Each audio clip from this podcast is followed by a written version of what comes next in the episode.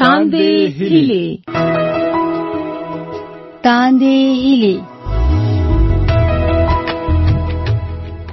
د پښتنو خزو لپاره د مشال ریډیو اونیزه خبرونه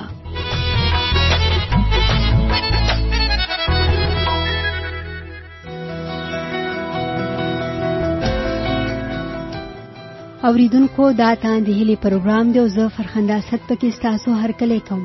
په اتم مارچ د ښځو نړیواله ورځ ده د نن په پروګرام کې په پاکستان او په خاصه توګه د پښتنو په سیمو کې د ښځو پر وضعیت خبرې کوو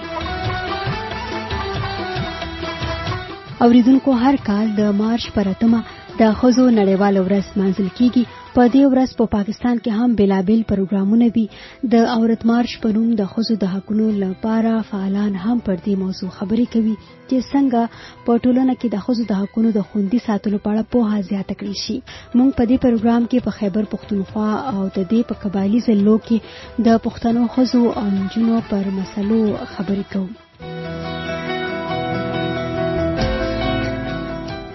په خیبر پښتونخوا کې د ښځو د حقونو ادارې وایي هلته د نجونو د تعلیم د روزګار مواقع او یوې جینۍ ته د کورنۍ لخوا د کار اجازت ورکول د اعلی تعلیم لپاره نورو سیمو ته تلل دا شان د کار په ځایونو کې مسلې او ځینې نورې ټولنیزې مسلې لکه په جایداد کې برخه ورکول کورنۍ تشدد د خوخې د واده پر سر مسلې او د غیرت په نوم وژنې هغه بنیادي مسلې دي چې ښځو ته ورپېښې دي مونږ په دې پروګرام کې نن پر ځینو دغو مسلو هم خبرې کوو د چارسدې تاجمینه بیبي چې د کشیدکارۍ کار کوي وایي اوس په خلکو کې د ښځو د تعلیم او روزګار په اړه پوهه زیاتیږي او خلک د ښځو پر حقونو پوهیږي شکر او الحمدلله اویدم تیر شو ځکه چې زما زیات تر پدې کلو کې لکه زما واسطه داسې خو سره کنا چې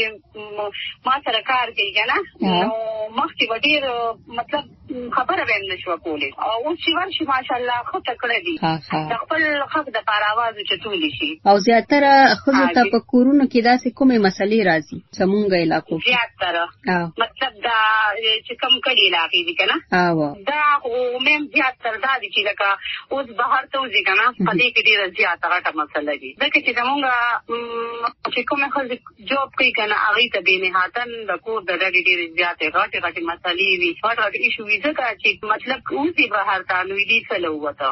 زیاته مسئله زموږ په کلیواله علاقه کې دا وي، زموږ یکم مۍ وي، هغې کې موږ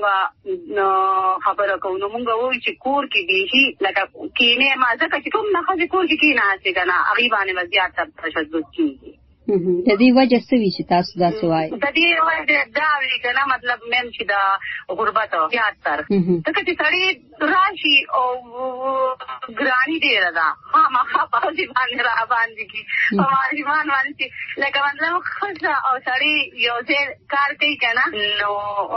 کور خو فسته چلیږي او چې سړی یوازې کار کوي کنه نو قسم دې نن په کور چلیږي د خیبر پښتونخوا اسمبلی د 2021 کال په جنوري میاشت کې پر خزو د کورنی تشدد د مخنیوي په اړه قانون منزور کړ چې ورته د خیبر پښتونخوا ډومېسټک وایلنس اگینست ویمن پریونشن اند پروټیکشن ایکټ 2021 هم وایي د دغه قانون په اړه د پاکستان تحریک انصاف ګوند د صوبایي اسمبلۍ پخوانۍ غړې عایشه بانو وایي دوی په دغه اړه ډیر کار کړی دی او تمه ده چې پر روان وخت کې به نوی صوبایي حکومت د دغه قانون پر عملي کولو زیات کار وکړي مین هغه دا دي چې زموږ څومره هم ډومېسټک د دې یو پوره ډیره کمپریهنسیو لا جوړه شوې ده او د کې کمپلیټ یو میکانیزم ورکړی شوی دی چې دا میکانیزم انډر با یو کمپلیننټ ډسټرکټ څنګه به خپل ډسټرکټ پروټيکشن کميټي ته به خپل کمپلينټ ورکوي کوم څنګه به هغوی ته اپروچ کوي څنګه به هغوی ته کمپلينټ ليږل کيږي او بيا د دې دا ډسټرکټ پروټيکشن کميټيز چې کوم دي هغه کمپلينټ به مخکې وړاندې کوي او ويدين 15 ډيز چې کوم دي هغه به په کورټ ته د دې لپاره لکه د ويکټم او د یا د کمپليننټ په مرضي سره د هغه په صلاح سره به دا کورټ ته به کيس ليږل کيږي به هغه په دوران کې همدا کمېټي چې کوم ډسټرکټ پروټيکشن کمېټيز دي دا به د زنانو ته یا چې کوم کمپلیننټ دي هغوی ته لیګل اډوایس، لیګل اسسټنس، میډیکل اسسټنس او که هغوی ته چېرته سره د پروټيکشن ضرورت دی، هغوی ته چېرته د پروټيکشن هوم ضرورت دی، داسې ځای پناهګاه ضرورت دی چې هغوی ته لږ لږ سکیورټي پکار ده نو هغه ټول اسسټنس چې کوم دی هغه به هم د دې کمېټي په ترو باندې به دې ته به کېږي با. په خیبر پښتونخوا کې د ښځو د حقونو یوه فعاله شوانه شاه د اتم مارش په اړه وایي زما په خیال 8 مارچ چې دی هغه تش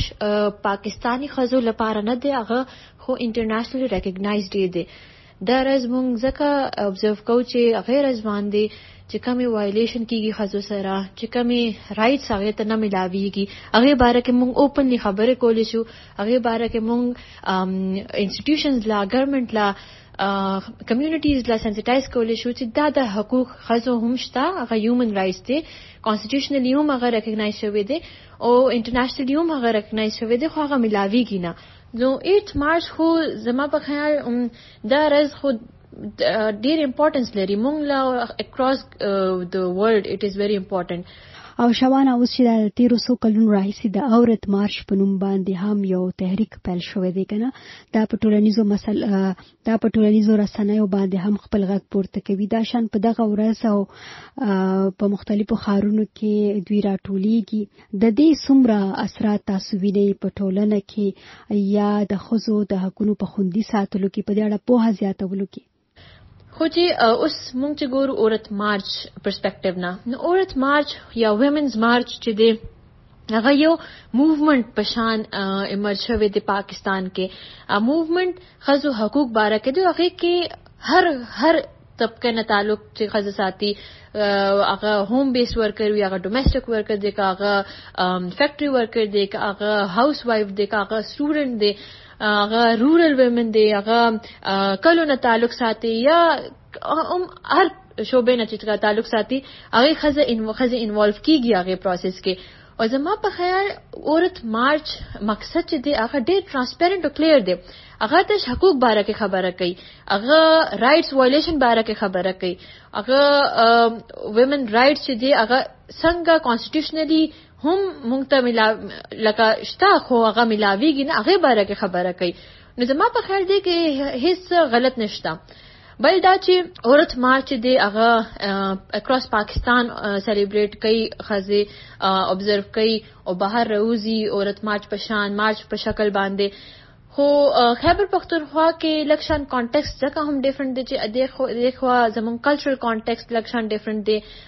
هغې کې ډیر زیات ښځې بهر نه راوځي هغې کې زمونږ چې دی هغه موبیلیټي ریسټریکشنز هم شته نو ښځې دونه زیات بهر نشي راوتي خو زما په خیال چې هغې ته که سپیس ملاو شو مونږ ته که هغه سپیس ملاو شو هغه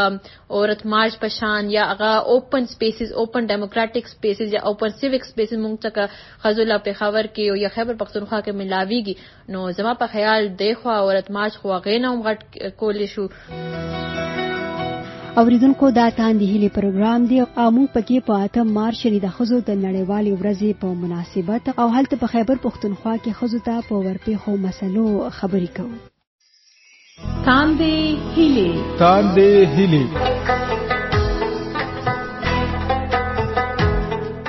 تعلیم د پاره سہولت نشته د جنکو د پاره سړی په یاد وبې او یاد هغه کې ژوند تیر شي لکه لکه د کونډې خزي نو زمونږ چې سوره چې سماجی ژوند دی وخت کې نو ټول میرمنو راټینګ کړ 15 سال زما د وادو شو سو واته کال هم د قشان په لوړېدو ته وړېدو تیر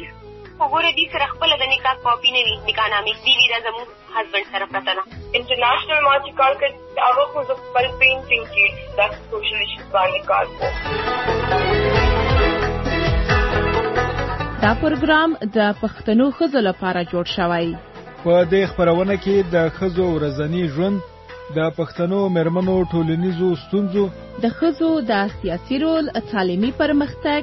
ادبي او کلتوري هلو ځلو تر څنګ، پر ځینو نورو مسایلو معلومات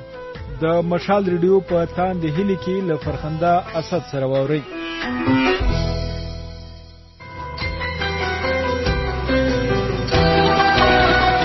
ما په دې اړه د خیبر پښتونخوا د یوې غیر سرکاري ادارې د هوا لور مشرې خورشید بانو سره هم خبرې کړې دي خورشید بانو وايي په 2020 او 2020م کلونو کې د کورونا وبا او په 2022م کال کې د مالی مسلو لوجې په کورونو کې خزه د تاو تریخوالي سره مخامخ شوې دي ټول له پوره دنیا کې تشدد کې اضافه شوې ده کرونا وایرس کله نشته شوی او خلک ته بې روزګار شوی او کور کې ناس او ته د خلک چې کوم کار کولی د لستیک ورکرو چې کوم د ورکرو اهم کور کې ناس نو زیاته تر ماشومان او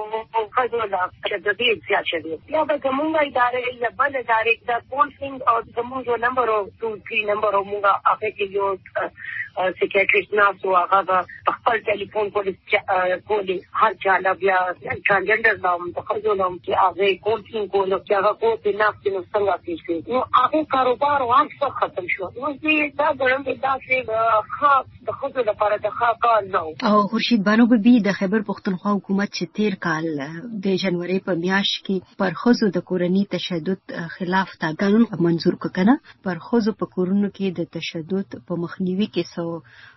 بدلون راغی یا را بشي کنه تاسو دې څنګه ګوري هغه قانون بالکل ډیر خوشاین خبره ده چې هغه قانون پاس شوی دی خو بیبي تاسو له پته لري کله پورې د اویر نس باندې کار نه کیږي نو خلکو له معلومیږي نه زموږ د 70% خلک کلی ګرځي کیږي نو هغه تعلیم تاسو لپاره د ایجوکیشن ریټ هم ډیر کم نو خلکو لا یا هغه څوک سروایور وي هیڅ کله هغه نه بکا چې تاسو به اویر کړئ د لا پورې د دې قانون ډومېسټک وایلنس قانون لا پورې رول رول اف بزنس هم جوړ نه دي شوي او ضروري ده چې میډیا ریډیو اخبار او زموږ په شان کې په واړه افغان ارګنایزیشن د دې انفارمیشن او د دې اویرنس باندې کار کوي کله پورې خلک اویر نه وي نو هغه قانون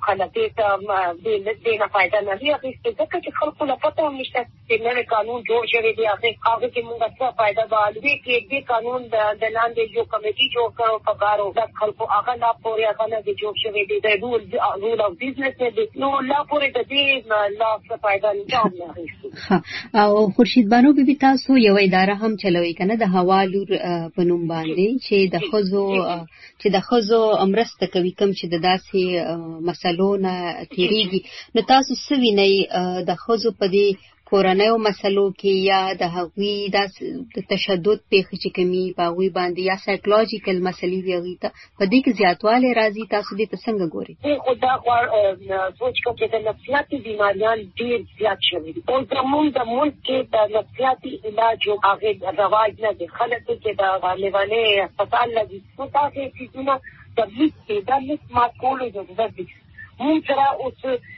د د ماشومانو کسټډي سیکشوال هراسمنټ برات یا کورونې د ډومېسټک وایلنس د دې کیسونه ډیر زیات راځي او د ډایورس کیسونه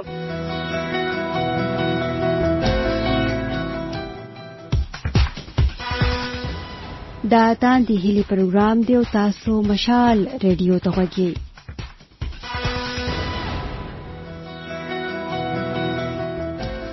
په پاکستان او داشان په خیبر پښتونخوا کې بل مسله د ناموسي وژنو هم ده په چارسده سوات او کراچۍ کې د 2023م کال په 1300 ورځو کې څو خزې د غیرت په نوم وژل شوې دي د چارسدي پولیسو د جنوري په 23مه مشال ریډیو ته ویلي چې هلته د جنورۍ په دوه ویشتمه یو اوسېدونکي خپله لور په دې تور ووژله چې یو هلک یې په ټولنیزو رسنیو یوه ویډیو خپره کړې وه دا شان د سوات د پولیسو تر مخه هم د جنورۍ په میاشت کې په سنګوټه سیمه کې یو تن خپلې دوې خویندې وژلي او یوه یې زخمي کړې ده پولیسو ته د خپل جرم په اعتراف کې دغه تن ویلي وو چې خپلې دوې خویندې په دې وجه وژلې چې د هغه په وینا له مشر خور سره یې مرسته کړې وه چې هغه په خپله خوښه واده وکړي ما په دې اړه د سوات نه د ښځو د حقونو یوې فعالې نیلم رحیم سره هم خبرې کړې دي نوموړې هلته د ناموسي وژنو په اړه وایي بالکل دا به د خبره نه ګڼي بلکې کوم چې لکه رپورټډ کیسز دي هغه 740 دي که نه وایي چې 740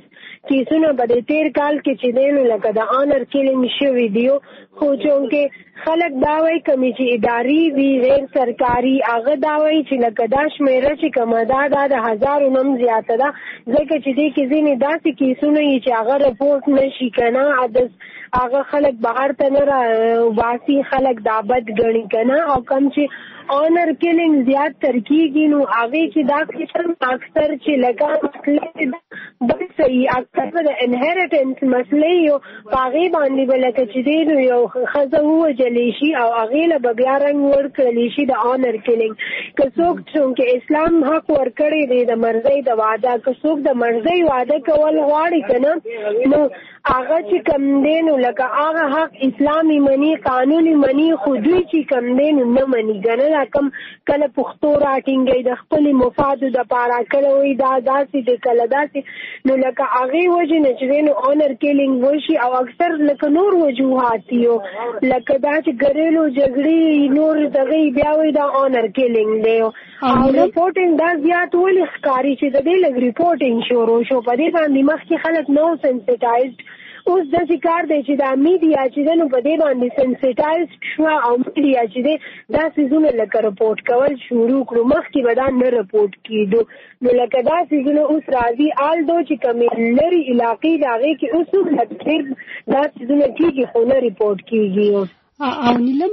د کې داسې واقعیات ځینې هم کنه چې یا خو کې دي چې د آنر کلینګ یا د غیرت په نوم وژنې وي خو زیاتره ول د خودکشانو نوم ورکړل کیږي دا هم په دې که موږ وګورو نو داسې واقعات په چترال کې ډېر مخې ته راځي، په سوات کې هم مخې ته راځي، دا شان دا نورې لرې پرتې علاقې چې دي هغې کې هم داسې واقعات مخې ته راځي، نو آیا ګینې دا واقعي د خودکشیانو پېښې وي که څنګه؟ هغه اصل کې دا یې دا اونر کیلینګ چې دی دا زیات تر کېږي هم لکه کور کې دننه بندۍ کوي یا رور کوي یا پلار کوي یا تره کوي یا ماما یا خاوند یا داسې خاندان کې دننه کسي کوي که نه نو دوی بیا د هغې د بچ کول لپاره او لکه مطلب لکه وایي چې څه به وسوله پولیس او تاڼې تحصیلونه کوو د دغې دپاره وایي چې دا وایي څه یې وخوړله او مړه شوه که نه خودکشي رنګ وله ورکړي موسټلي داسې یي او موسټلي اونر کلینګ به وشي او د خودکشۍ رنګ به ورله ورکړلی شي ځکه چې دی هغه پوسټ مارټم او دا چې کم چې لیګل پروسیډینګ دی هغه نه ځان د بچ کولو د پاره بیا دی له چې د خودکشي رنگ ورکړل شي او دا ډیر زیات کیږي دلته اوریدونکو د پاکستان پارلمان د 2014 کال په اکتوبر کې د ناموسي وجنو خلاف قانون منزور کړ په دغه قانون کې راغلي چې د غیرت په نوم په وجنه کې ککړ تنتا د مرګ سزا واورول شي نو که چېرته متاثره کورنۍ یې معاف هم کړي خو د عمر قید سزا به بیا هم تیروي ما په دې اړه د مردان ضلع د یو ریټایر سیشن جج سجاد انور سره خبرې کړې او له هغه نه مې پوښتلي چې په پاکستان کې د ناموسي وژنو په اړه قانون په پوره ډول عملي کیږي که نه نو اکثر په دې کې خو داسې چل دی چې تاسو پته ده چې دا خو یونیورسل یو لا ده چې بینیفټ اف ډاوټ چې کوم دی دیټ ګوز ټو دی اکیوزډ ملزم ته کېږي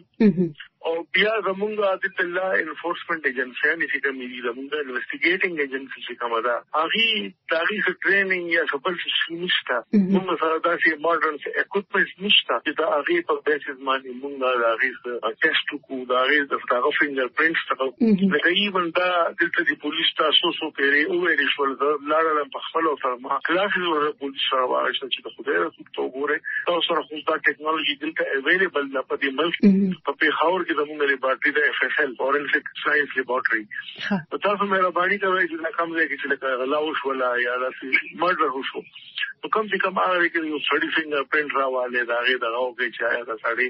واقعي ګناګار دی ګناګار نه دی او سجاد انور صاحب دې کې داسې واقعیات وی کنه د غیرت په نوم د وجه مبارک خبره کوم چې کورونو کې دنه نه کیږي نو د دې باره کې بیا څنګه معلومات راټول کړل شي دلته کو څو څه پته چې اکثر دا خلک چې کم دي یوازې کورونو کې او بیا خزه چې کوم دا دا خدا سي یو جيبه غونډه کې په زبان فیل دي چې اکثر اویزان دي کې او بیا وځو چې خودکشي او بیا خودکشي په لوکړه خو دا لري There must be some problem. پس تاسو په کور کې وسه پرابلم هم دا غیب د تنګ شول نه غي خود کړ شو کړه نه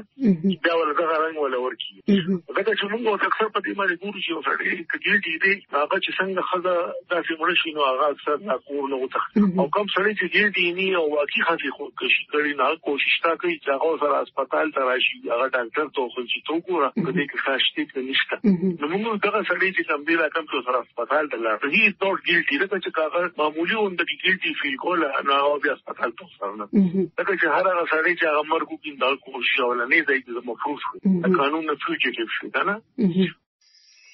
تاندې هلي تاندې هلي تعلیم د پاره سہولت نشته د جنکو د پاره سړی په یا دوبه او یا د کې ژوند تیر شي لکه لکه د کونډې خزي نو زمونږ چې سوره چې سماجی ژوند دی وخت کې نو ټول مرمنو راټینګ کړ 15 سال زما د وادو شو سو واته کال هم د پشان په لغړېدو ټغړېدو تیر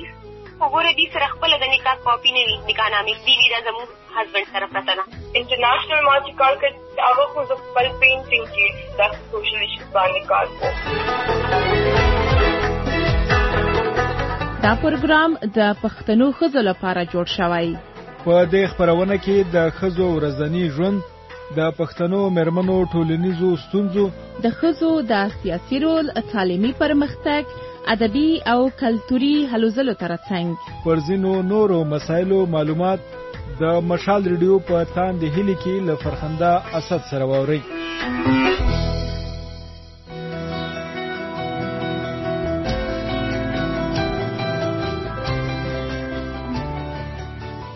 اوریدونکو سږ کال د ښځو د نړیوالې ورځې موضوع ښځو ته یو شان مواقع ورکول دي په ټولنیزو رسنیو د امبریس ایکویټي هشټګ په نوم په یو بحث کې نړیوال فعالان وایي چې د دغې موضوع مقصد د جنس په بنیاد فرق